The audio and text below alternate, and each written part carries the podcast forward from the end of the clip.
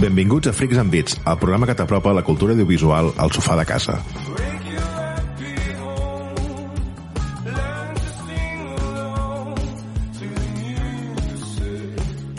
Avui, a ca- cadascú des de casa seva, som Pau Sabés, Molt bon dia! Néstor Sart, Bona tarda! Magí Berneda, Molt bona nit.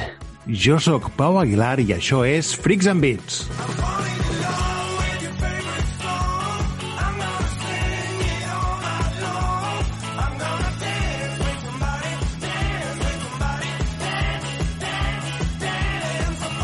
Avui tenim dissecció sobre Tom Clancy, batussa de pollastres amb un nou format, el Magí ens porta la crítica sobre el Super Mario 3D World Bowser's Fury, tenim també videojocs de paraules i Bad Plot.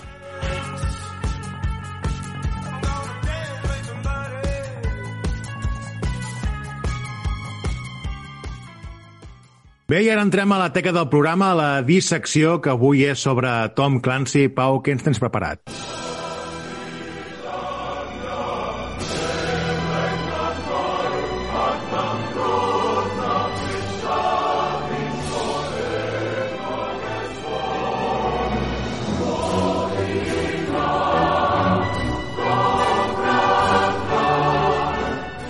Bé, nois. Doncs arrel de la suggerència que ens va fer el nostre company Ricardo Jiménez a iVox, eh, vam decidir... bueno, ell ens suggeria que per què no parlàvem de novel·les portades al món del cinema, hem decidit agafar com vam fer amb Stephen King, agafar personatges i parlar de les seves novel·les que s'han transportat al món del cinema i a fer una miqueta desgranada de la vida d'aquests personatges.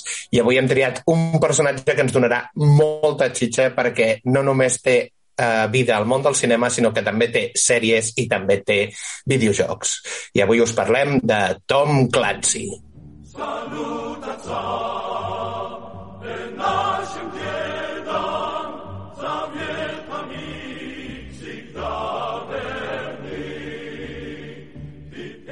Thomas Leo Clancy Jr., nascut a Baltimore l'any 1947 i mort a Baltimore també el 2013. Llicenciat en literatura anglesa l'any 1969, però no eh, va poder accedir a l'exèrcit, que era un dels seus somnis d'infància, per culpa d'un problema a la vista, i va crear la seva pròpia empresa d'assegurances i... Hòstia, bueno, de l'exèrcit de les assegurances, quin canvi d'adrenalina, no? Ell volia matar. Total, que no escriu la seva primera novel·la fins als 39 anys. L'any Tenim, 1982... tenim marge, nois, tenim marge encara. Sí, sí. Mi vida en Freaks and Beats, no? Autobiografia. L'any 1982 comença a escriure el seu primer llibre que es publicarà l'any 1984 i que vendrà eh, a una editorial per 5.000 dòlars i aquesta editorial és la Naval Institute Press. I aquest llibre porta per títol La caza de l'octubre rojo. Dios, 5.000 per aquesta... Mm. Quin robatori, tu. No, ell, ell, ell ho ven de preentrada, o sigui, li compren, és allò que dèiem de, de que li compren en plan, t'ho comprem i aleshores segons el que venguis. Però saps que la, la de Stephen King de, de Shamshawne Redemption la va vendre per 3.000 dòlars? Uh, mal negoci. Sí, no, Sí, sí, sí. Eh, sabeu la, quina és l'altra broma? El, el, el, Steve, el Stephen King eh, no va, mai va cobrar aquell xec i el tenia marcat i, mm. I, i li va regalar el productor, el bueno, director, productor de la, El Darabont. li va regalar i tenia una inscripció, no, no la recordo, però era algo així com dir em deus una, una merda d'aquestes. Bueno, per, per, per acabar amb l'anècdota, em sembla que la, la pel·lícula en si de, de, de, de Shaw- Shawshank Redemption també va ser bastant fracàs en, en quant a diners.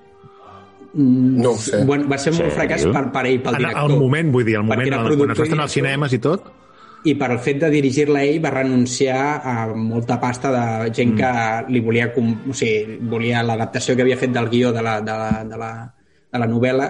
Li, eh, doncs, doncs li volien comprar i, i que la dirigís un altre i el tio estava molt ofuscat i va dir no, no, ho, ho faig jo i va renunciar. Sembla que no sé, al final només va cobrar una merdeta, també.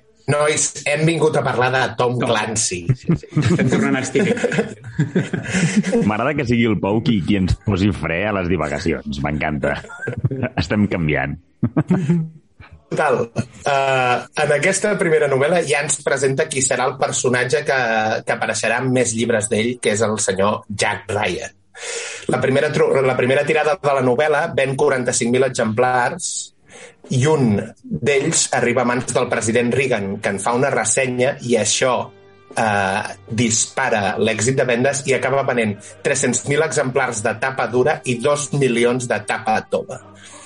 A partir d'aquí, eh, la fidelitat tècnica que tenia el llibre va ser molt lloada i el va dur a conèixer molts alts càrrecs de l'exèrcit americà que li servirien d'inspiració eh, per personatges de nous llibres i també coneixeria l'Steven Piesnik, que més endavant eh, veurem eh, qui és i amb què va col·laborar.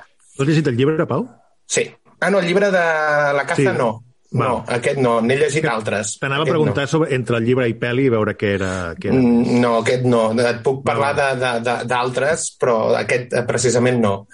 Bueno, la majoria de, de novel·les de Stephen... Eh, anava a dir Stephen King. És que ja m'heu fotut, m'heu fotut la merda al cap. Ja. Uh! La majoria de, la, de les novel·les del Tom Clancy pivoten sempre sobre dos, dos personatges. Un, en John Patrick Ryan, altrament conegut com Jack Ryan, que és un extinent del cos de marines retirat per una lesió a l'esquena degut a un accident d'helicòpter quan estava fent uns exercicis amb la, amb la OTAN i que posterior passa, eh, posteriorment passa a ser uh, un analista de sistemes a la CIA on arribarà a director d'intel·ligència i finalment a president dels Estats Units. O sigui, una evolució Estil Putin.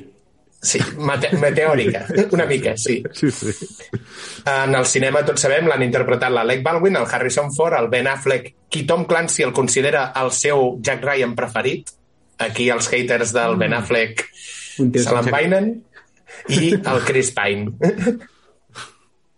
I el segon personatge que també pivota eh, en totes les novel·les de, la, de bueno, moltes de les novel·les del Tom Clancy és en John Clark, que és un Navy SEAL durant la Guerra del Vietnam, com cop finalitzat el seu primer tour es retira, però la CIA el contracta per fer una cover-up de nou a Vietnam. A partir d'aquí, ell comença una guerra personal contra un càrtel de la droga i un cop acabat amb el càrtel decideix fingir la seva mort i passa a treballar exclusivament per la CIA de manera permanent.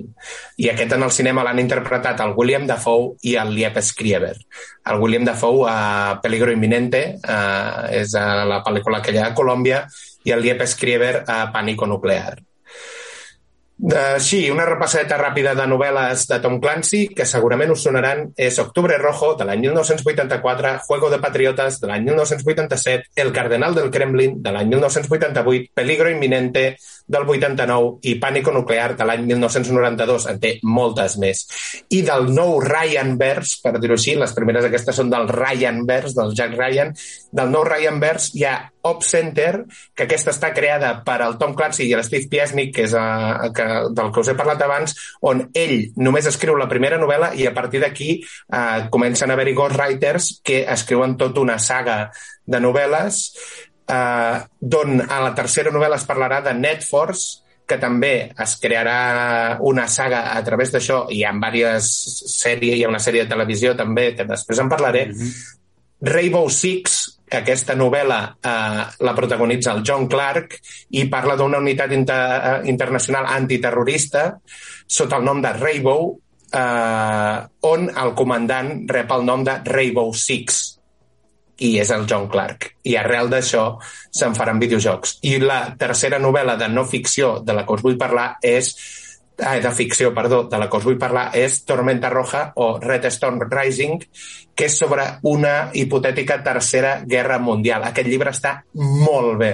Representa que els russos eh, reben un atac en una zona petrolífera, veuen que les seves reserves de petroli estan caient en picat i en lloc de comprar petroli de manera internacional decideixen apoderar-se del de, el Golf Pèrsic cosa que desencadena una guerra. Però com que ells ja saben que això passarà, també decideixen atacar a les forces de la OTAN al centre d'Europa i eh, desencadena, doncs això, una quasi guerra, una tercera guerra mundial. Està molt bé. Però per què us parlo d'aquest llibre, Tormenta Roja? Doncs perquè arrel d'aquesta novel·la l'any 1996 en Tom Clancy va crear la seva pròpia companyia de videojocs que es deia Red Storm Entertainment, que l'any 2000 va ser adquirida per Ubisoft passant a formar una branca de la companyia que és Ubisoft Red Storm i que és l'encarregada de tots els videojocs que porten Tom Clancy davant. Rainbow Six, que en porta 6 videojocs, Ghost Recon, que té 16 videojocs, Splinter Cell, que té 7 videojocs, Hawks, Tom Clancy and War i The Division, que té dos videojocs. Tot això són basats en personatges o en novel·les del Tom Clancy. Pa, a nivell de... Que, que, que, que surti el seu nom per tants jocs, o sigui, només sé dir Hideo Kojima, no? Que fot el seu nom tantes vegades a tot arreu. Però és que la diferència és que Tom Clancy crea la marca. És a dir, passa a ser marca bueno, Tom Clancy. Kojima, Kojima també. No, no, no, però Kojima, quan crea Kojima, ell Va, ah. està involucrat. Bueno, sí. Tom Clancy té la marca i aleshores ell fa com el seal of approval, no? diguem, el segell de me parece bien, Tom Clancy, i endavant. I aquesta, doncs, eh, va, van tirant, clar, The Division, Gorricon, Splinter Cell... O sigui, que l'últim Gorricon aquest eh, tenia el seu seal of approval. Sí, sí, sí. Bueno, no, sí. perquè està pel Moody... Amb, amb els chetos, tio... Eh juntament ets amb un, un Ets un capoll, home, va, home, va. Eh, eh, és el, és el segell, això que dius el segell no és que el posi, la idea és que eh, la marca consideren les empreses que fan els, les, les seves sagues o que aprofiten les, seus, eh, les seves històries, els seus personatges, consideren que és bo i llavors són elles que posen, decideixen posar el, aquest segell, no? És, aquesta és la idea, oi? Exacte que el tema està en que eh, ell inspira a molts d'aquests personatges. De fet, Rainbow Six està basat en una de les seves novel·les, però eh, tot és sempre una temàtica similar. Grup antiterrorista, eh, si fiques Ghost Recon, és això, Splinter Cell també va una miqueta d'aquest rotllo, no? És eh, infiltració, espionatge, i aleshores sempre té aquesta meta, aquest tipus de temàtica. Has dit de Splinter Cell set jocs? Set jocs, sí. Set videojocs. Deuen, deuen comptar bessorilles de mòbil, perquè així ben parits hi ha els tres de Play 2 i Xbox 360, i sé que hi va haver un altre, com es deia, el Agent, com es deia, Double Agent per la per Play 3 això, i Xbox eh, per la Xbox de, de turno. Però no, no, no, i no va sortir del tot bé. Els clàssics eren tres. No sé, no, no, és que m'ha sorprès que en diguessis set, no els coneixia tants. Vull dir, sí que, I, que per mòbil n'hi havia algun. De videojocs, el més proper al que, té, el que entendríem com un triple A, el Tom Clancy, és el de Division? Bueno, els Ghost també en tenen, el Splinter Cell també en té algun que és molt bastant triple A els, el Splinter Cell, el, el Pandora's Tomorrow i el Chaos Theory, que són el, el 2 i el 3, diguéssim, aquests eren triples A al seu moment. El que passa és que, de fet, hi ha molta gent que té moltes ganes que, que torni. Jo crec que eh, era el rival, el rival era el de Hacendado. O sigui, recordo com va sortir el Metal Gear Solid, que dèiem que, que l'Splinter Cell era una miqueta... Jugava molt el tema d'amagar-se les ombres però, però sí que estava, estava menys, menys acabat. Ja tot el tema de la visió nocturna era el, zero, era el seu sí. segell. Estava, estava molt, Fisher, molt currat. Sam Fisher, sombra oscura. Ahora me ves. Ahora no me ves. S'hauria d'haver centrat en les roques uh, fotorealistes. Tio. Aquell darrere la cortina que li veus els peus per sota, no? I el va sentint anar fent... no, però, i, I a mi m'encantaria m'encantaria que, que, que l'haguessin actualitzat amb els gràfics actuals, veure una història i jugant amb tema de, de, les, de llum, que, que, que si en Play 2 era capaç de fer el que feien, avui dia podrien fer coses molt xules. Bueno, res, Home, és nota, se, nota, nota mental. Se, se rumoredava, se rumoredava sí. que, que, que venia un nou... En els nou darrers... En els darrers, tre, en els darrers 3 E3 sonava eh, un, una nova un nou títol de la saga Splinter Cell, però no hi ha hagut res. Bueno, però bueno, segur, segurament està en desenvolupament i a saber, a saber. Bueno, parlem de material cinematogràfic. Començarem per la pel·lícula de l'any 1990, La caza de l'octubre rojo, dirigida pel John McTiernan i protagonitzada pel Sean Connery, l'Alec Baldwin i l'Scott Glenn. Què dir d'aquest peliculonaco ultra èpic. Capità Ramius. Gran capità Ramius. M'encanta la transició que fan del rus a l'anglès Sí, mentre el, el, el, el comissari polític Putin està llegint, està llegint la Bíblia i llegeix l'Apocalipsis i fa la transició de rus a anglès. És fantàstic aquell, aquell punt. I acaba, aquella escena acaba amb el déjelos que canten, l'himne soviètic després del seu discurs que el tècnic de sonar del Dallas va dient me ha parecido oír cánticos i tota la tripulació anar cantant l'himne soviètic. És una gran pel·lícula. Següent pel·lícula, Juego de Patriotes. Aquí li fan el llit al senyor Alec Baldwin i el senyor Harrison Ford passa a ocupar el lloc de Jack Ryan durant dues pel·lícules. Juego de Patriotes, aquesta amb el malaurat Sean Bean, i dic malaurat Sean Bean perquè a totes les pel·lis o sèries on surt l'acaben matant i aquesta no és una excepció. Acaba palmant. Aquesta és, eh, es centra més en la part en el que el Jack Ryan està visquent a Anglaterra degut a que la seva dona és una cirurgiana ocular i està residint a l'hospital i, com li agrada a aquest senyor, doncs acaba fotent-se al mig d'un percal amb l'ira eh, on el Sean Bean farà de líder terrorista. Passem ja a l'any 1994, Peligro Imminente, en Peligro Imminente novament amb Harrison Ford, on, eh, dèiem, el William Dafoe feia del Clark, i aquesta és una, un, un uh, atac a un cartel colombià on clarament és el Pablo Escobar però mai diuen que és Pablo? Escobar, sinó li diuen Ernesto Escobedo. em, va fer, em va fer molta gràcia. Fantàstic. És el del cosí llunyà. De... Sí, no, però part que és que el tio és igual amb bigotaco, saps? I no, Ernesto Escobedo. Aquell, aquesta pel·li està molt bé i a part m'encanta el paper del Joaquín Almeida, que és el Jack Ryan Mulato, que és el, el, com l'assessor de l'Escobedo. Ara passem a autèntica eh, mandanga fresca, Netforce, de lo que es parlava. Això va ser TV Movie, directament. Ah. Direct to video. Direct to video. Entrem ja a Pànico Nuclear, nou canvi de Jack Ryan amb el Ben Affleck, el Morgan Freeman, que eh, anava eh, d'un... Eh, durant la guerra del Yom Kippur, un avió eh, israelita per una bomba nuclear i aleshores un grup de nazis es fa amb aquesta bomba nuclear i decideix eh, crear una mena de conflicte entre Rússia i els Estats Units falsificant una, un atac de falsa bandera eh, amb un atac eh, nuclear a Baltimore durant la final de la Super Bowl. Està molt és bé, una pel·li... bé. A mi m'agrada. Sí, sí. Sí, jo també. Dins, dins de ser que, sé que, el senyor Affleck no és de, no és sant de la devoció, eh, he de dir que és una pel·li que m'agrada i que, que, que ell ho fa, fa un bon paper.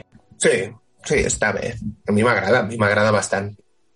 Ara entrem a, a per mi, a, a la més fluixeta de totes aquestes, que seria Jack Ryan Operació Sombra, de l'any 2014, dirigida pel Kenneth Branagh, protagonitzada pel Kevin Costner, el Chris Pine fent de Jack Ryan, la Keira Knightley i el Kenneth Branagh fent un dels seus fantàstics accents russos falsucos. Sí. Kenneth Branagh, te haces el ruso. Bueno, és, aquí fem com un retrocés als inicis del Jack Ryan quan coneix a la seva dona i tal. Prefereixo la sèrie de la que ara en parlarem. Però abans, una altra minissèrie, Op Center Código Nuclear. Aquesta també és una minissèrie direct to vídeo, perquè la nota és espectacularment baixa. I acabarem amb la última sèrie que per mi eh, és finíssima, és Jack Ryan, que aquesta està a Amazon Prime, i que el paper del Jack Ryan el fa el John Krasinski i el paper del James Greer el fa el Wendell Pierce. A mi m'agrada molt aquesta sèrie. Quantes, quantes temporades té? Dues temporades. I està basat en els inicis de Jack Ryan com a analista de la CIA. Aquesta no ha estat cancel·lada ni res, no? Està, està, està viva, aquesta sèrie, en principi, no? Sí, sí, en principi, en principi coleando. O sigui que no, el que passa és que amb el tema pandèmia eh, eh, està tot una mica a l'aire. M'ha semblat, tu, no, tu l'has vist, Pau, que m'ha semblat que remugaves No, no, una no l'he vist, però em sap greu que sigui el de Quiet Place, que sigui el que Hòstia puta, tio. faci de, de Ryan. John Krasinski No in my heart. In my heart. No t'agrada Krasinski?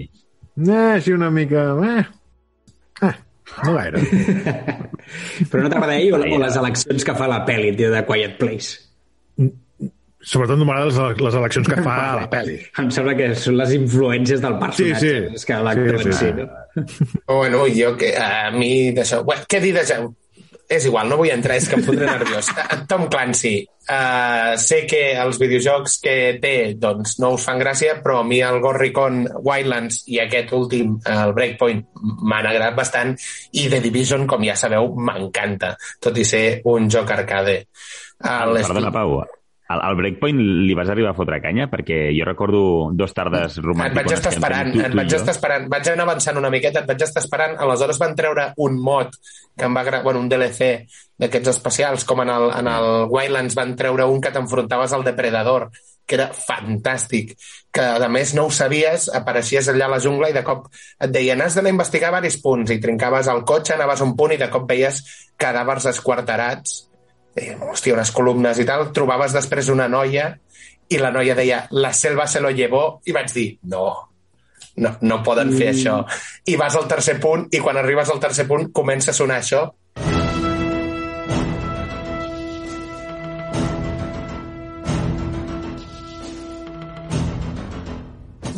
Dios! I aleshores el teu esquadró s'enfronta al depredador. I va, va encantar. Doncs a, a Breakpoint van treure un mateix mod en el que t'enfrontaves al Terminator. I això era mm. fantàstic. Una mica agafat amb pinces en, en el món del Breakpoint. Vull dir, No, perquè era, era el món aquest que era una illa que tot era industrial, Ai, sí. que tenien, tenien els drons, tenien totes aquestes Sí, històries de sí. high-tech i t'enfrontaves a, t'enfrontaves a Terminator. Em va encantar. A, a, a part, em va encantar perquè és dispara. Vull dir, què? No aconseguiràs res. Només vas veient com la pell li salta de, de, de l'exoesquelet i, i, i corre, saps? Aconsegueix un barret i comença a fotre-li trets amb el barret des de la distància. I, i jo des d'aquí, com, a, com a autèntic apretador oficial per jugar a cooperatius amb els de l'equip, ara el Pau escopirà l'aigua que estava bevent.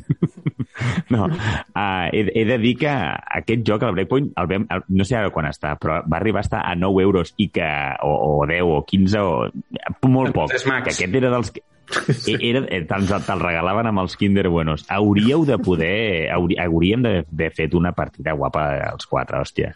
Tinc ganes de veure'ns online, i no així, sinó jugant. És el que t'anava a dir, aquest és, és realístic, és headshot i mort. Vull dir, no és com el de Sí. Division, que potser és arcade i pot cansar. Aquest és, Sí. si tu et coordines bé, hi han kills guapos. I, i he de dir i, i que realment segur, o sigui, hi, ha, hi ha coses a millorar del joc, però està prou bé prou bé, i té, té el tema inicial també de, de, dels vehicles, que és una cosa que, que hagués sigut... Serà divertit, vull parlar en futur, perquè, perquè això passarà. Molt bé, Pau, gràcies per la dissecció sobre Tom Clancy.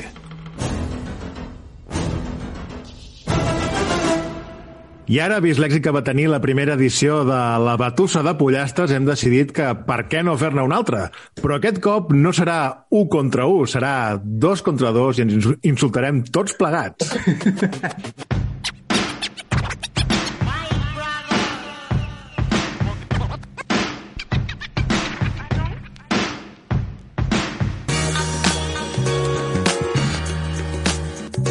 Molt bé, nois, el tema que us portem avui és eh, cinema al cinema o cinema amb streaming. És a dir, els gilipolles que es queden a casa com tontos o qui gaudeix de la perfecta pantalla gegant, del so, Dolby Surround, de les crispetes i el massatge de peus que fan tots els cinemes i si no ho sabíeu, Bueno, ho heu bueno, de demanar. trampa, això és començar. Eh, eh, eh, eh, eh. Talla, com, com, podeu veure, com podeu veure, jo eh, ja sabeu quin bando tinc jo. Trash talking. Pau, vaig, vaig amb tu i, i em sembla molt, molt irreverent el que acaba de passar. Molt irregular, no? És Jo, això. jo no hi sé Ah, dir que, que, que amb aquest format que hem fet de dos contra dos en el que jo no sé què, què ha fet l'altre equip, ni el, el Pau i jo, que Pau Aguilar i jo, que som els defensors de l'streaming i el Pau Sabés i el Magí, que són els del cinema, no sabem què, què ha fet l'altre equip o què ha escrit l'altre equip, o sigui que les sorpreses estan i, i tinc, tinc, tinc nervioset, eh? tinc ganes d'aquesta batalleta. Només dir-vos que eh, gairebé eh, tot el que porto el que portem és del? Magí I és rimat. O sigui, no, no, el Magí és un, autèntic, eh, és un autèntic poeta, nois. O sigui, us pintarem la cara de tal manera... Sí, és, hagut de notar, no, aquí el professor... és el poeta de Nadal, tio, vull dir, el verset. tio. Bueno. Jo només espero que millori, que millori la, la qualitat dels videojocs de paraules. No, jo espero que estigui al nivell, tio.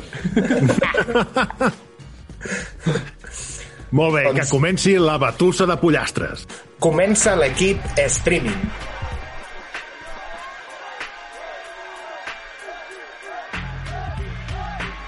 Al cinema només hi aneu a veure-li el clatell al malparit de dos metres que teniu al davant. Per vosaltres acabar amb una contractura cervical i escoliosi crònica. Masterplan. Uh, ha fet mal, això, nois. Uh! Apalanques al sofà per poder mirar una pel·li mentre penses que menjar ja comences amb canguel. I quina merda, puto loser, això és el que jo sé, perquè aquí si vols crispetes tu mateix les has de fer.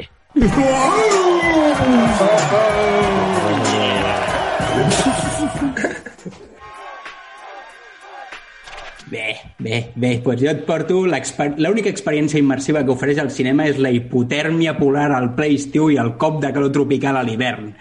Ha fet més el cinema pel canvi climàtic que totes les petroleres juntes.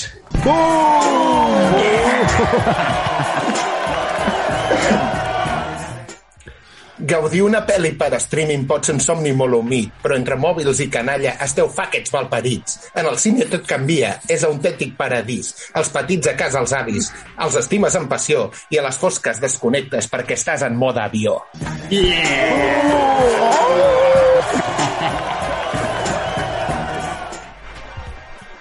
Només voleu anar al cinema perquè la vostra deia del hipsterisme vintage fa que tingueu la tele de la iaia a casa, amb menys resolució que una Game Boy i amb més cool que la Kim Kardashian.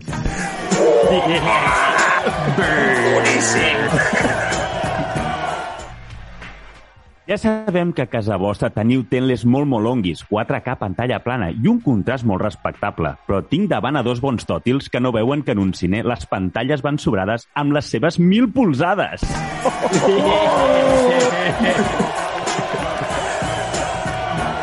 A la ruleta russa del cinema tens tres opcions. Morir per deshidratació, morir per explosió de bufeta o morir baixant les escales de 3 en 3 a les fosques per no perdre't mitja peli. Tu tries, és el teu funeral.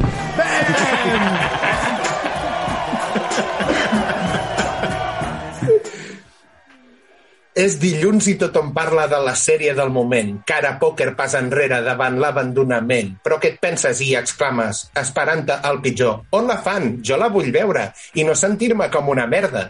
Netflix, Prime o Disney Plus? Tu preguntes tot il·lus. Les tens totes, però n'hi ha una que passaves de pagar. I ves per on? Quina gràcia. És allà on la pots trobar.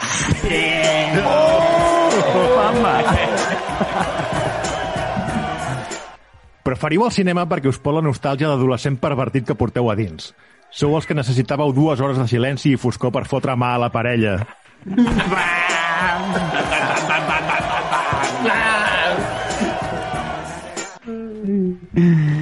Triar pel·lis per streaming és un tema molt frustrant. Teniu temps de veure'n una? Potser ja no, les hores van passant. Seleccionar entre tanta merdota et fa sentir com un idiota. Milers de caràtules, puntuacions i fitxes, se us acaba la paciència. Bitches!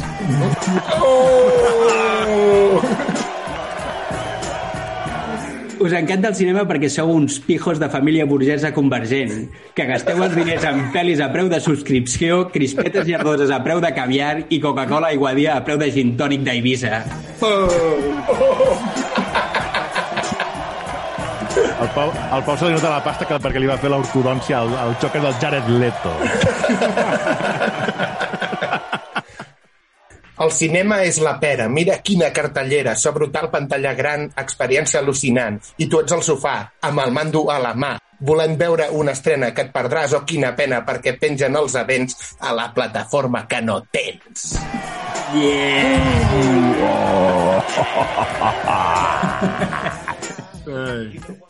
Molt bé, nois. Doncs fins aquí el ridícul màxim. I ara passem al que seria el debat seriós, que soni música de, de, de debat seriós.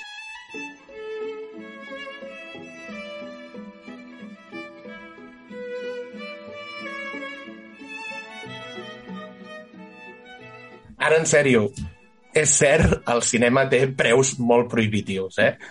Sí, tio, sí, és terrible. Sí, a veure, de, de, més enllà de, de, la, de la batussa aquí, cadascú ens hem enquadrat en una posició, però, però tots, tots tenim pros i contres de cada una de, de les plataformes. Eh, com vosaltres veu dit, eh, clar, la, la, la fragmentació de, de, de, dels canals i de les maneres de veure fa que sempre et falti la plataforma on està el que vols veure. I això és una putada. O comences a fer aquests partnerships en jo em pillo aquesta, tu et pilles aquella, compartim contrasenyes i històries, o realment es fa difícil poder estar a, a tot arreu. Has de fotre un sou només dedicat a contractar plataformes de streaming. I, i, I- espera't perquè cada cop n'hi ha més. Sí, sí, va més, això, i és la part preocupant, però... Jo, jo de fet, ja, ja em sembla que ho vaig dir en un altre programa, que jo sóc partidari de que, de que comencin a fotre sèries al cinema, perquè així tinguis l'opció de que si no tens la, la, la sèrie que vols veure tu, vull dir, puguis et fotre una marató al cinema en pantallota i, Merda, tio, i, això, veure, això... i veure la sèrie allà, tio, seria, seria molt màgic i hi haurien certes sèries que molaria molt veure-les en pantalla. Ja. Com creus que s'hauria de fer amb un passe de temporada o alguna així? O... Sí, o fas una... O sigui, Mandalorian podries veure una temporada en un dia... Mm, o sigui, hi ha senyors dels ans, reposicions dels senyors dels anells que són, és molt més llarg. Sí, una, una temporada de Mandalorian són, són 5 hores. O sigui, són 10 capítols de mitja hora, mitja hora cada un. Clar, i, hi, ha penya, hi ha penya que es veu el que diu el Néstor, maratons de l'edició extendida del Senyor dels Anells i es veuen la trilogia allò Sí, sí, i sí. I ho podries fotre dividit en dies, doncs dimarts fotem Mandalorian, dimecres fotem no sé què, i vas... El que passa que a mi també em fotria nerviós anar al cine 20 minuts. Això sí que no, no, no ho compro. Si he d'anar al cine, que em fotin 5 o 6 capítols, perquè si no els rebento a tots. Ja tinc prou amb aquesta història d'estrenar un capítol cada divendres. El que està clar és que el cinema s'ha de reinventar d'alguna manera perquè eh, bueno, ara la pandèmia l'ha deixat bastant tocat de mort i és el que parlàvem, els preus són molt abusius en segons quines coses. Ja no sé qui marca els preus aquí, sí que vaig a una mica a peu coix, no, no sabria qui és qui marca els preus, però, hòstia, 10 pavos en cap de setmana, que és quan habitualment hi podem anar gairebé tots, és molta pasta. I tot i així, hi seguim anant perquè l'experiència és el que és, que és un, un, aquell moment teu Jo crec que també per això el cinema eh, té valor per certes pel·lícules. O sigui, un 1917 vist al cinema és mil milions de vegades que qualsevol tele gran que tinguis a casa o sistema d'àudio que tinguis. O sigui, la immersió en aquella pel·li era brutal al cinema. És com Però en canvi vas a veure Tengo un email i això, aquesta puta merda, no cal que la vegis al cinema. Història d'un divorcio, no? Com es deia aquella...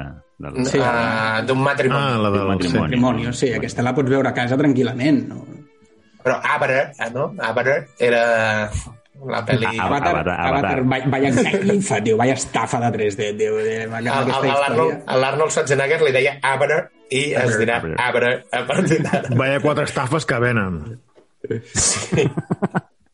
Però escolta, Néstor, això que comentaves ara, eh, això és idea teva? O hi Sí, està- jo ho vaig dir fa un algú temps en no sé quina discussió, vull dir que... Ho vam, ho vam estar parlant de Sí, no, quan hi ha, vam- no hi ha ningú que s'ho estigui plantejant de, del món del, del cinema. No, diguem. és, és, és el moment. No? No, no, però és que... Bueno, Engeguem un tan negoci Freaks and Beats. Freaks and Films, nois. Oh! jo ho, com, ho compro molt fort, això. O sigui, a més, la clau és el que tu dius, que tu potser, jo què sé, ara les típiques, no? Netflix, HBO, Disney+, Plus... mm, És que foto, alguna que foto no. L'únic dubte que tinc jo en això és, és a, a nivell de drets de coses, mm, Clar. com, com, es, com, seria, com ho podria, seria Fot, gestionable això. foto pasta, no, no, foto pasta per veure el Pau Aguilar vestit de botones retallant els tíquets de la gent. Passi, clar. I he de ser educat amb ells, no, a sobre? Sí, sí, no, has de dir, has de dir sala 4 amb la teva veu avellotada i sexy. Final del passadís, sala 4. No, no, però i, i que és cert, eh? l'streaming eh, ens ha facilitat molt la vida en segons quines coses, perquè eh, la comoditat d'estar a casa, poder parar la pel·li quan vulguis per anar al lavabo eh, o d'això... Que, Prostatín. Prostatín. és microbufeta.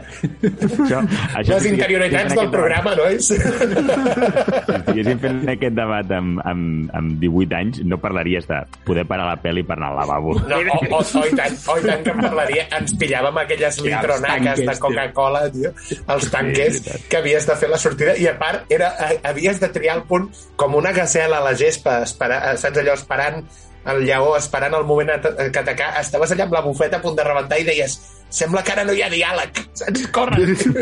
I et veien esprintant. Allò que et mous una mica i notes el dolor, no? La bufeta. De fet, se sentia el soroll d'aigua directament Ah. desplaçaves. Com si La estàs movent una garrafa tio. No, però ara, en sèrio, traient els problemes de pròstata i d'incontinència, eh, és, molt, és molt còmode eh, Sí, sí. Poder, poder parar segons quins També moments dic la pel·li. que per mi el, el, el, el fenomen est, eh, de streaming també té que mm, crec que he vist moltes més pel·lícules dolentes de les que hagués vist mai en el cinema. Perquè el cinema, el fet de que tingui el preu que té, fa que siguis molt més selectiu. Sonic. Però és selectiu també també pel preu, perquè si, si, si, si parleu amb, el, amb, els, amb els nostres pares, gent de la, de la seva edat, ells anaven al cinema sense anar a veure algú concret, anaven al cinema, al Sí. que posessin al cinema. Sí, sí. Vull dir, i pel, pre, pel poc preu que era llavors els sortia a compte que, bueno, potser no era bona la pel·lícula, bueno, i què és? És barat, vull dir, vas al I- cinema, veu, I veus clar, feien, exacte, dos passes, que Clar, això era sí, sí. fantàstic. Era, era anar a veure el passe de tarda. Hi havia Exacte. un western i Casablanca, per En exemple. canvi, nosaltres el que coneixem ja és anem a veure, que, o sigui, anem a veure tal cosa al cine. O sigui, et mous per anar a veure una cosa que ja saps què és. Però també estem Deia- parlant d'una època que no hi havia tantes teles, eh? És a dir, això del cinema també es feia Sí. quan no hi havia televisors a casa i era, era el punt aquest de... Eh, bueno, de fet, els hi passaven al Nodo, que era el noticiari del moment. Sí, per mi hi ha dos fenòmens també divertits d'aquesta nova realitat, no? O que antics, vull dir, d'aqu- d'aquesta nova realitat, que, que, que abans hi havia aquests equilibris també de veure què anem a veure, no? Quan anaves amb un grup molt divers de persones i el, Uh! l'activitat era al cine, que podies acabar, calvari. Mal de caps. podies acabar anar calvari. veient alguna, alguna cosa bastant infumable. La ven... Recordo una a veure La ventana d'enfrente, em sembla que es deia la pel·lícula algo així, que era una espècie de relaxi... relació homosexual a l'Alemanya nazi, una cosa supercostumbrista, algo que va Això, ser... això ni jo, eh? Amb, No, amb, i a molt, més- molt profund i amb molt missatge. Sí, a més era la nostra època Era- més garrula i més... I- i bocada. hores de- Sí, hores de mirada, allà no? Mirant aquella cosa de que tot eren tot mirades i eren... Eh, eh, aquella relació de que havia de ser un secret total i, hòstia, potser l'hauria de tornar a veure i, tro- i trobaria que és una molt bona pel·lícula, eh? però en aquell moment, vull dir, vaig estar a punt de fotre'm un tret al cap. Era el moment Axel Foley, tio, que era només volies acció, acció i acció i et Sí, foten sí, algo sí. molt costumbrista. Tio. I No, però Néstor, aquí l'interessant, li- per- perdona, l'interessant seria saber quina era l'alternativa. Perquè és que és típic que potser era Blade o alguna merda així. Però, esclar, algú d'acció que estava molt ben Sí, passat, segurament. Que, que, que, que al final no, no, no, hi havia, no hi havia quòrum i vam anar acabant veient això. Bueno, jo, jo a, a mi el que m'ha facilitat és per poder veure... O sigui, el que té bo d'això és que tu pots triar, eh, si hi és a la plataforma, per exemple, clàssics que no he vist. Saps? Mm, sí, Pel·lis correcte. molt bones que no hem vist perquè en el seu moment no hi eren en el cine i perquè a la tele t'has d'esperar que te la tirin. I ara aquí pots dir, no, avui vull veure, jo què sé, Casablanca. I veus i, I amb Casablanca. això Filmin està fent un, una Sí. feinada. Una Eh? feina brutal, sí, sí. I l'altra Ama- cosa que Amazon Prime també, amb la conya, eh? Amazon Prime Sí. també hi ha molt cinema Uh-huh. clàssic, també. I l'altra l'altra cosa que l'altre dia també reflexionava és que eh, estem perdent aquella història de veure una pel·lícula 25 vegades perquè és el que fan a la tele, o és el mal menor dins del que fan a la tele, no? I que al final hi havia pel·lícules que les veies mil vegades perquè mm, dins de lo que et feien doncs deia, bueno, va, doncs poso aquesta pel·li que està bé i, i al final tenies un coneixement d'aquelles pel·lícules molt profund i potser una pel·li que tampoc ningú mereixia, però... Si vols experimentar això, Néstor, Discovery Channel, vull dir, allà... Que, que Sí. cada nit gairebé la mateixa pel·li, again. Paramount Network també tira de molts megaclàssics. Sí, sí, i tant, i tant. I Però tant. ara, clar, amb l'streaming sempre tens producte fresc, entre cometes, que veure i, i, i llavors... Però t'han rentat tant el cervell que acabes veient Superdetective. Sí, o tio, he vist molts rewatch eh, per plataformes, tio. és, és molt heavy. Bueno, de fet, arrel de lo del Tom Clancy, jo estava veient novament El Octubre Rojo. És una pel·li que potser he vist 10 vegades i no, no, Play. 10, 10 em, sembla, em, sembla, eh, em sembla baix, eh, Pau? O sigui, que diguis 10. No, no, jo no sóc el Pau Aguilar. 10, 10 està bé. Si parléssim de jungla, Rojo i K19, em sembla, eh, que, que són Oh, les pel·lis K19. que, que, que... doncs tu vols saber que K19 és una de les pel·lis que jo vaig anar al cine i vaig sortir dient perquè hem vist això? Sí? En sèrio?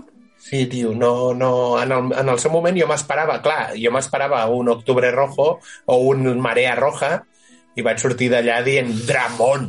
Què és aquest Dramón? tio? Potser On té estan- més paral·lelisme amb Marea Roja que amb Octubre Rojo, però tot i així, hòstia... Però no hi, ha, no, hi ha, no hi ha batalla naval. La batalla naval que hi ha és se nos fríen los ingenieros. Patriotisme. Jo ara, en sèrio, o sigui, realment ens va ser difícil pensar pros del cine, perquè realment és la immersió, o sigui, i fi. Sí. Re- igual, que, igual que té tant pes la comoditat de l'streaming, contra això és Sí. complicat. Però... És, el que dius, és el que dius tu. Nosaltres, a, a nosaltres, la- l'experiència d'anar al cinema a l'època en la que nosaltres la vam viure era algo com molt festiu, no?, també, perquè era anar a veure, jo que sé, començant el Rei León, Jurassic Park, que eren grans estrenes i anaves al cinema amb tota la litúrgia que significava anar al cinema, que era les crispetes, la cua, la foscor, tal, i era tot una litúrgia, tot un ritual que ara seguim fent i a, a mi m'ha deixat molt bon gust de boca perquè era els teus pares t'agafaven i et deien avui aniràs al cinema i era buah, gran moment.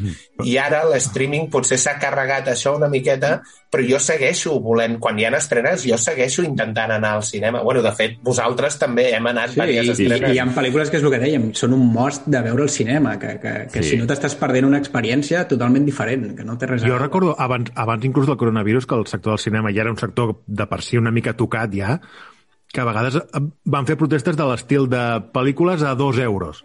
Pel·lícules a dos, a Sí. dos euros al, al cinema s'omplia, eh? O sigui, la gent, si li rebaixes el preu, la gent va, que òbviament, entrades a 10 euros, clar, que, en fi. El que també ofereixen per mi a l'streaming que té un gran valor és mm, la versió original, que, que, que Oh, Sí, sí. per, per, això per mi per- s'hauria de corregir molt al cinema, eh? per anar, per anar a veure una versió original has d'anar fent filigranes i només I un passe no sé quina hora, que entenc que vull dir, si no es fa més és perquè no té sortida i la gent vol pel·lícules doblades, però clar, vull dir, el fet de tenir-ho a casa jo m'escullo el meu idioma i me les, me les I en això n'hi ha, ha que no sé com van, però de les dos que tinc jo, que és Netflix i Amazon Prime, Netflix li dona mil patades a Amazon Prime en quant a Amazon opcions de Prime llenguatge. s'ho ha de fer mirar molt, eh? Molt, eh? S'ho ha de fer sí. mirar molt perquè hi ha hagut dues o tres pel·lis que estaven uh, a Amazon Prime i després a HBO o a Netflix i he hagut de canviar a Netflix o a HBO Sí, perquè sí, sí. només estava la versió doblada. Mhm. Que dius, hòstia, Sèrio? és, és... Sí, sí, sí. Hi ha alguns fallos d'aquests de, de, de, Sí, a mi em va passar d'àudio. també amb, amb, amb Ready Player One, quan la vaig, que la vaig, la vaig llogar per, per eh, diria que era Google, Google Play, i, i al minut 1 eh, en castellà i se'm va caure tot al terra. I, i, bueno, ja havia pagat i me la vaig tragar, i, però No et va preguntar per... per no, es, pu- no hi havia opció i només, eh, o sigui, havia llogat només la versió espanyola i vaig pensar, en sèrio, tu llogues una pel·lícula i no li pots canviar l'idioma? Doncs no. Que vols, la vols Això- en anglès? Paga. No, Pagar sí, més. suposo que havia de buscar algun altre camí o alguna cosa i no, és que ni, ni, o sigui, no vaig ni parar-li atenció, vaig pensar que això era com que quan et compres Home, un clar, clar. que, que li poses a l'idioma que vulguis. Ho dones per, per sentat que serà així, vaja. Sí, sí. Doncs no, és com si et Doncs compres no. una VHS, tu. és un, és un, és un DLC, la versió en UPO, no? No, jo anava a dir que el, tinc, tinc això que comentaves, Pau, de l'experiència, no? que el cinema és aquesta, aquesta, aquest moment, no?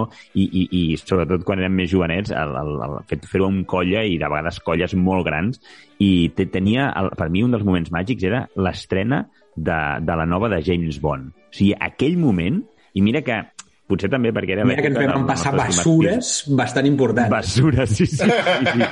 Però era, era, per mi, James Bond és Pierce Brosnan. Després n'hi ha, ha que m'han agradat més, però jo he entès James Bond, vaig conèixer-lo, vaig gaudir-lo, no?, a aprendre amb, amb Pierce Brosnan. I realment hi ha trunyacos enormes que quan els veig ara per la tele fa vergonya aliena. Fa de- El cinquè, el cinquè millor James Bond. Hòstia, que, quina tier list que tens aquí de puta mare. La té, sempre, sempre la té aquí al, a, primer, a primer pla, tio, sempre... Que Magí va, va haver un llistó molt alt amb la primera i sempre esperàvem que qualsevol pel·li del Pierce Brosnan fos com la primera de James Bond i mai era com la Però primera. perquè si els hi anava la castanya amb, amb, Home. Amb els gadgets. i amb els Era gadgets i amb, la, i amb el Gadget. Bond, tio, aquests que s'havien inventat que havia de ser la cosa més surrealista i ridícula Sí. que la primera tenies un parell de moments que a la GoldenEye tenies un parell de moments a l'avió, al no sé què, que deies ui, però bueno, deies va, eh, ha tingut la potra a la vida, no tenia més opcions, era això. Però les grans fantasmades de GoldenEye se les ventilen ràpid de seguida al principi, tio, ja està. Sí, dir. sí, sí, sí, sí, sí. I No, després... I no n'hi ha, no ha moltes que grinyolin gaire fora de... de, de és que estem No. parlant de- d'aquell cotxe que va pel gel, ell fent el parapente... Allò, allò del Museu del Gel, vull dir, amb la després surfejant un tsunami de, de, Sí, de- de- de- de- per un iceberg. A mi la idea del Museu del Gel, un- és que és- és, és, és, vaja, és vergonyós. És horrible, però- és horrible. Però- I els però- jetpacks i... i, i No. Que... Però com li quedava Però- el traje, nois? No, no. Sí, no era que salxitxa embotiva que és el Daniel Craig. És, és absolutament indignant com parles de, del millor James Bond. De totes maneres, de totes maneres, eh, en el moment, a mi lo de, jo ho comprava fortíssimament, tot el, tot el Pierce. O sigui, totes les pel·lícules que vaig al cinema sortia allà encantat, per tot, per, sobretot per l'experiència que dèiem. O sigui, per, pel fet d'anar amb, amb amics, pel fet d'anar això, amb les crispetes, era la... i normalment coincidia, coincidia que era finals d'exàmens trimestrals. I era màgic, tot això. Aquesta combinació. Tendia a ser, sí que tendia a ser octubre, octubre, novembre, estava d'això, però Por ahí, por ahí. Bueno, és... eh, Sí, bé, el, el, el Roger Moore, el Roger Moore i el, i el Pierce Brosnan són un tipus de James Bond i el Sean Connery i el Daniel Craig són el, el tipus bo de James Bond, que és un tio realment paquet i, i, amb la tecnologia suficient... Bueno, Sean Connery al final també se'ls hi anava una mica la castanya amb, amb aquelles motxilles helicòpter i tal, però, però el bo que té la, la, la, la sèrie del Daniel Craig és que tornen, toquen molt de peus a terra a nivell de gadgets. A nivell de que gadgets. ell és més, més eh, un, una, un agent secret que se'l veu preparat. No, no són aquests com el Pierce Brosnan que dispara amb pistola des de la cadera, saps? Eh, És, és la diferència de... Però si té aquella, aquella escena conduint, conduint el cotxe amb el, amb el mòbil Sí, sí, sí. d'última generació. Des del seient del darrere. Exacte. I, i anar fent cares de... Ups, ups. Ens n'hem anat, hem, hem fugit del cinema i de l'streaming a James Bond, però bueno, eh, ja ha quedat, suposo que ja ha quedat clara la postura una miqueta que és quina merda, el cine hauria de ser més barat i l'opció VO potser... O sigui, s'hauria de reinventar una miqueta. Ens, no, repetirem la, la idea de negoci que hem dit perquè no ens la robin, perquè és brillant. I l'streaming eh, té coses bones, però hi ha certes coses que s'han de veure a la gran pantalla. Mhm. Molt bé, i fins aquí la batussa de pollastres i el debat posterior sobre les plataformes de streaming o cinema. I ara, la crítica, amb Magí Berneda.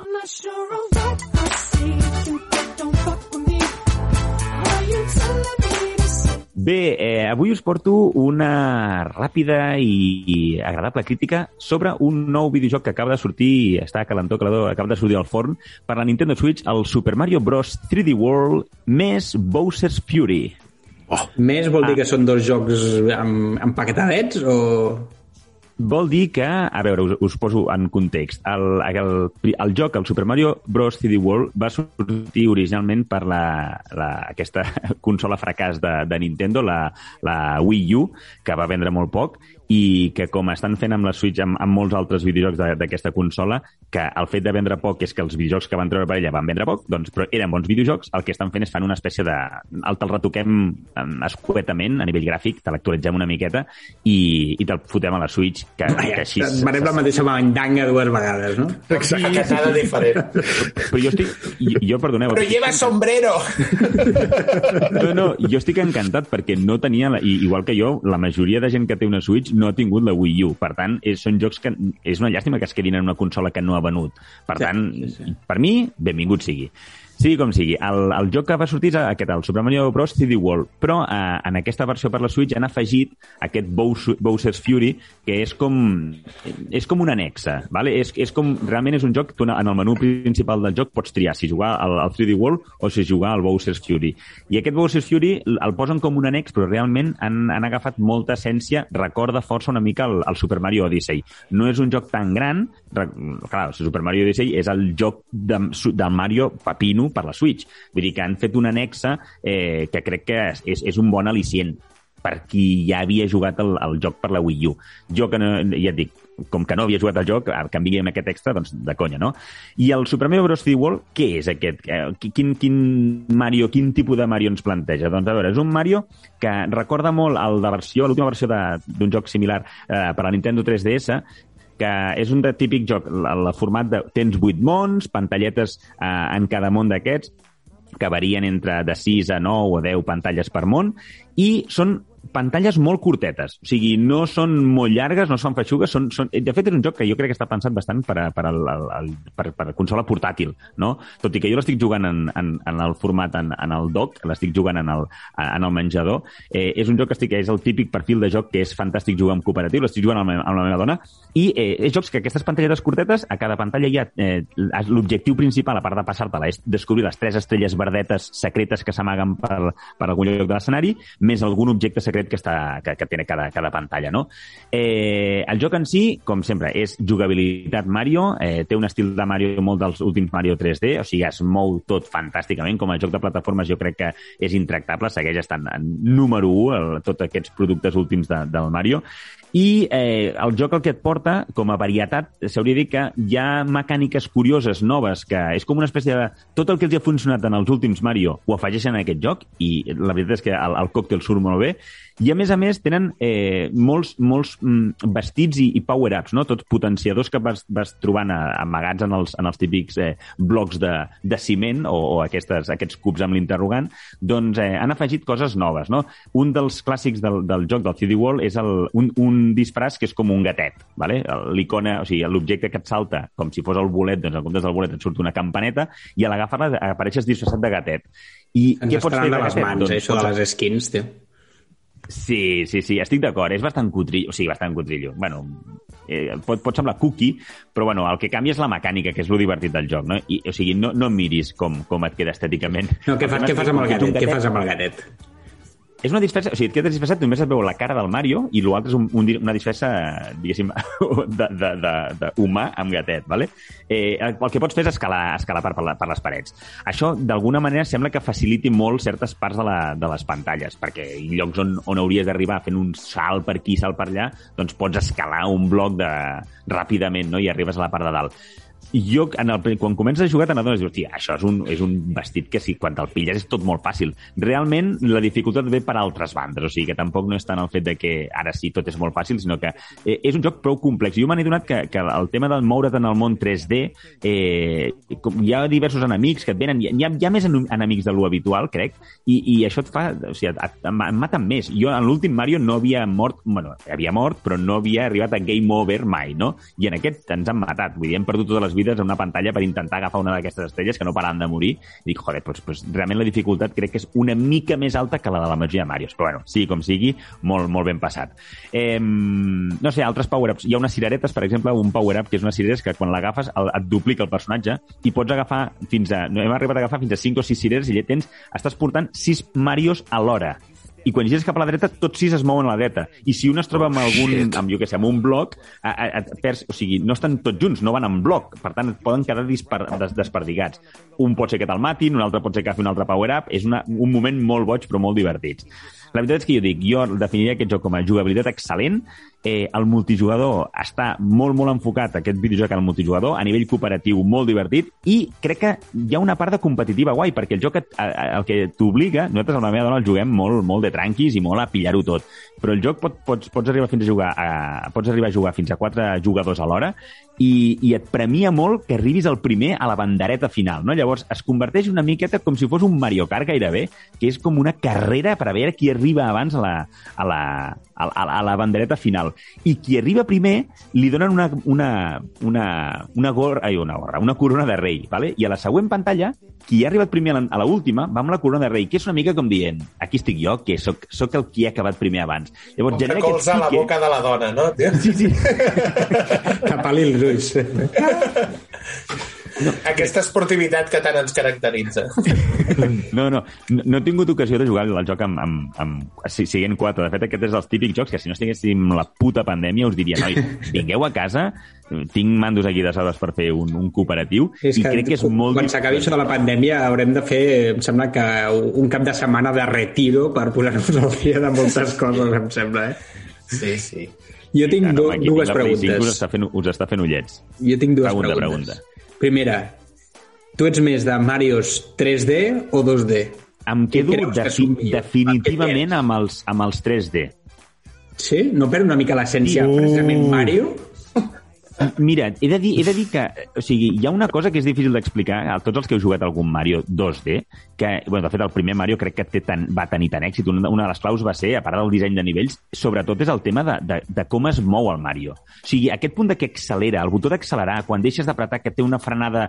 És que són, són matisos que potser quan jugues no te n'adones, però quan has jugat a molts videojocs 2D, el Mario es mou d'una manera molt seva, molt especial i molt ben feta. Amb el, en els Marios en 3D crec que ac- aconsegueixen trans, eh, o sigui, aquesta idea, que aquest tacte te'l posen en, en un món 3D i crec que roques són volumètriques, roques volumètriques i imbècil. pneumàtics que calla, pugen imbècil, sobre... Calla, imbècil, calla, calla, calla. Però, eh, no, no, i a més a més, que tot, totes les, les, o sigui, tots els reptes que et poden posar en un joc de dues dimensions, crec que es, es multipliquen quan el món és en 3D. I jocs com el Galaxy, Galaxy 2, l'Odyssey i aquest que estic dient ara, crec que són meravelles, però jocs de 10, eh, directament. Jo L'altra pregunta. no sóc un Mario molt Ah, bueno, no, que- eh? Eh, Ara, ara llançaré la segona, eh? Però, eh Vale, vale. Que a mi el Mario 3D em, em, em marejava una mica, em perdia una mica. Mm, Saps? Així com el Mario és claríssim, endavant. No hi ha, no hi ha, no hi ha una altra manera. El 3D... Simpleton.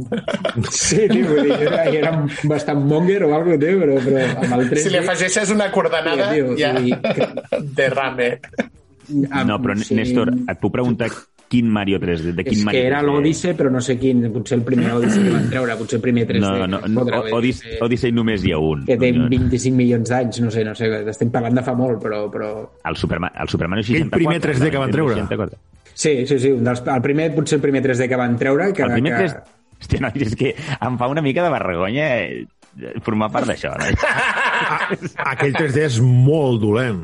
Però, però què estàs dient? O sigui, un moment, un moment, nois. O sigui, no podeu dir... No, no us deixo que digueu en aquest podcast dir que el Super Mario 64 és un joc dolent. No, no, o sigui, no ho podeu dir. Això ho parlem no, jo no abans he dit de que era dolent, eh? fora... perquè he dit que, que a mi l'experiència 2D m'agradava més els Marios 2D que els 3D que, Vale. que, que trobava que era molt més caòtic.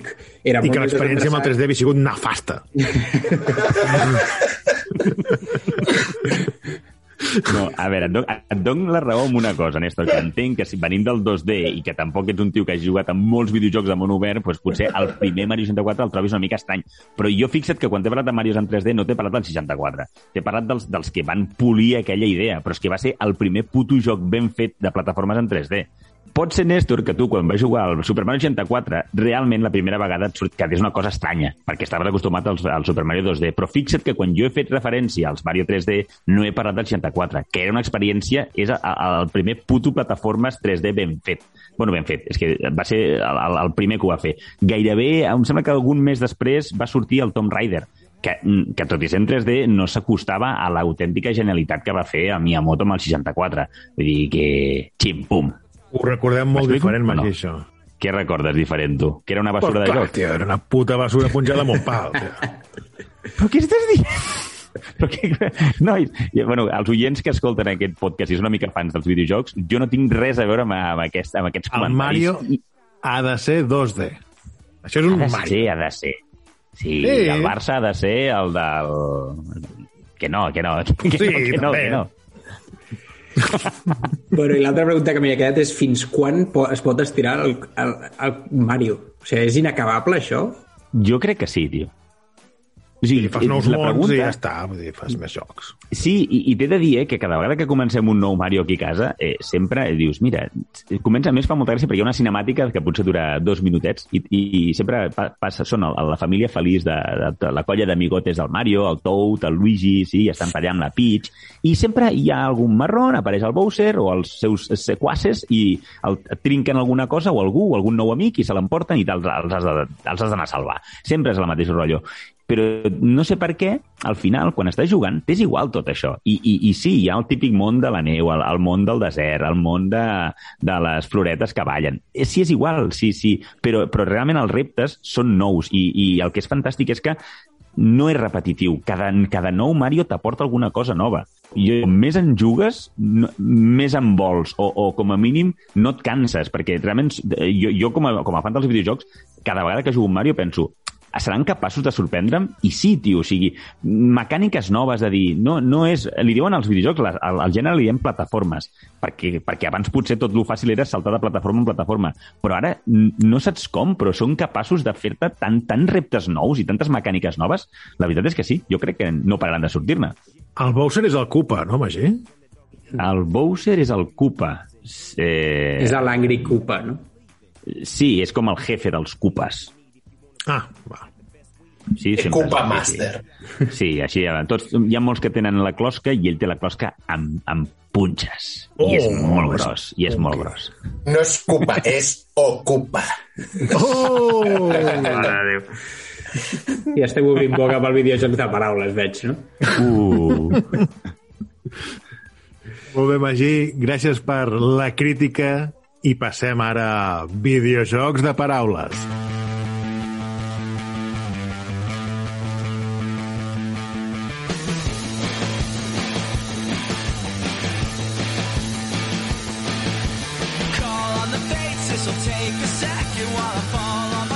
Magí, Agafeu- què ens portes?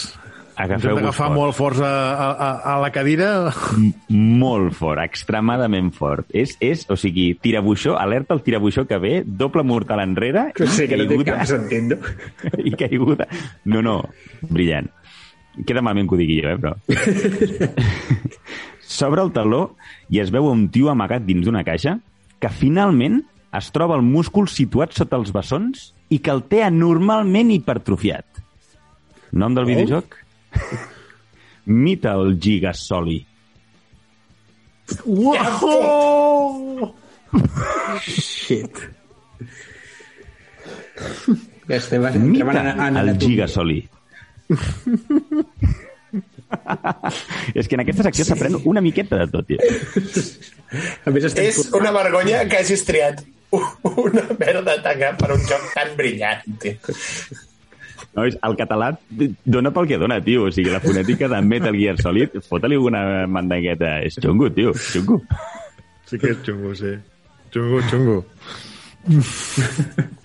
Di, di Magí, que eh, ens van... Quan vas penjar el fil de, de videojocs de paraules amb, el, amb, els, amb les, els primers que havies fet, el Gavi de la Masia...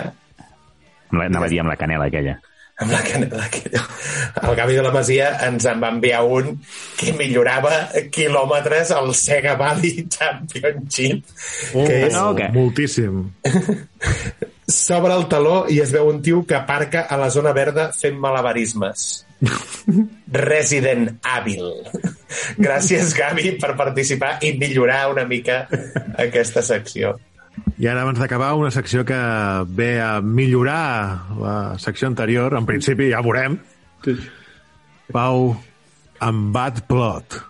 Què ens portes, Pau? Bad Bé. bad blood. Bad blood, bad blood. Era, era la idea, era la idea.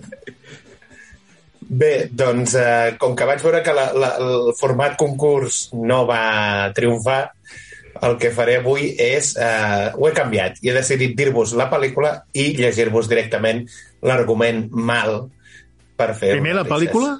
Sí, Us dic el títol de la és, pel·lícula. és format spoiler, vull dir, més, més, més a l'acord amb el que ens acostuma al Pau.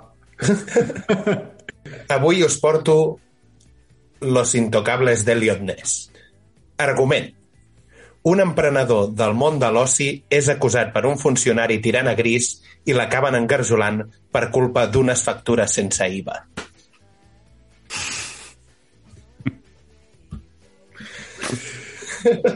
Silenci, entronador. Ja, un silenci, no sabem si... Segueix, no, segueix, sent, segueix sent molt millor que el, que el, el pot del Solís, que és com ho hagués fet jo. Jo ja no sé si demanar disculpes als, als, als, als oients o què, però bé. Programa, nois. Gràcies, Ens, gràcies per la eh, eh, ens, hem secció. de, ens hem de, ens hem hem de, tornar. les cares. Sí, no, ens No, hem i, de i, les i cares. ens hem de tornar, quan, quan hi hagi vídeos de paraules, que no hi hagi el bad plot, vale? sisplau. O sigui, i l'awkwardness que, que no, que no s'allargui els últims segons del programa, tio. De fet, ho podríem posar al principi del programa i aleshores ja tot remuntaria. Doncs. Hòstia, però Ah, jo potser oh. perdem ja la d'uns quants, tio. What the fuck? Out. Out. Molt bé, doncs això, gràcies, Pau, pel bad plot. I ara sí, fins aquí el programa d'avui. Gràcies, Pau Sabés. Gràcies i molt bon dia. Néstor Sart, Gràcies i bona tarda. Magí Berneda Moltes gràcies i bona nit. i un servidor, Pau Aguilar. Recordeu que ens podeu escoltar a Ràdio Sant Quirze els dimarts a les 10 de la nit, a Iscla 359 els dijous a les 10 de la nit també, i a plataformes digitals com iVox, Podimo o iTunes.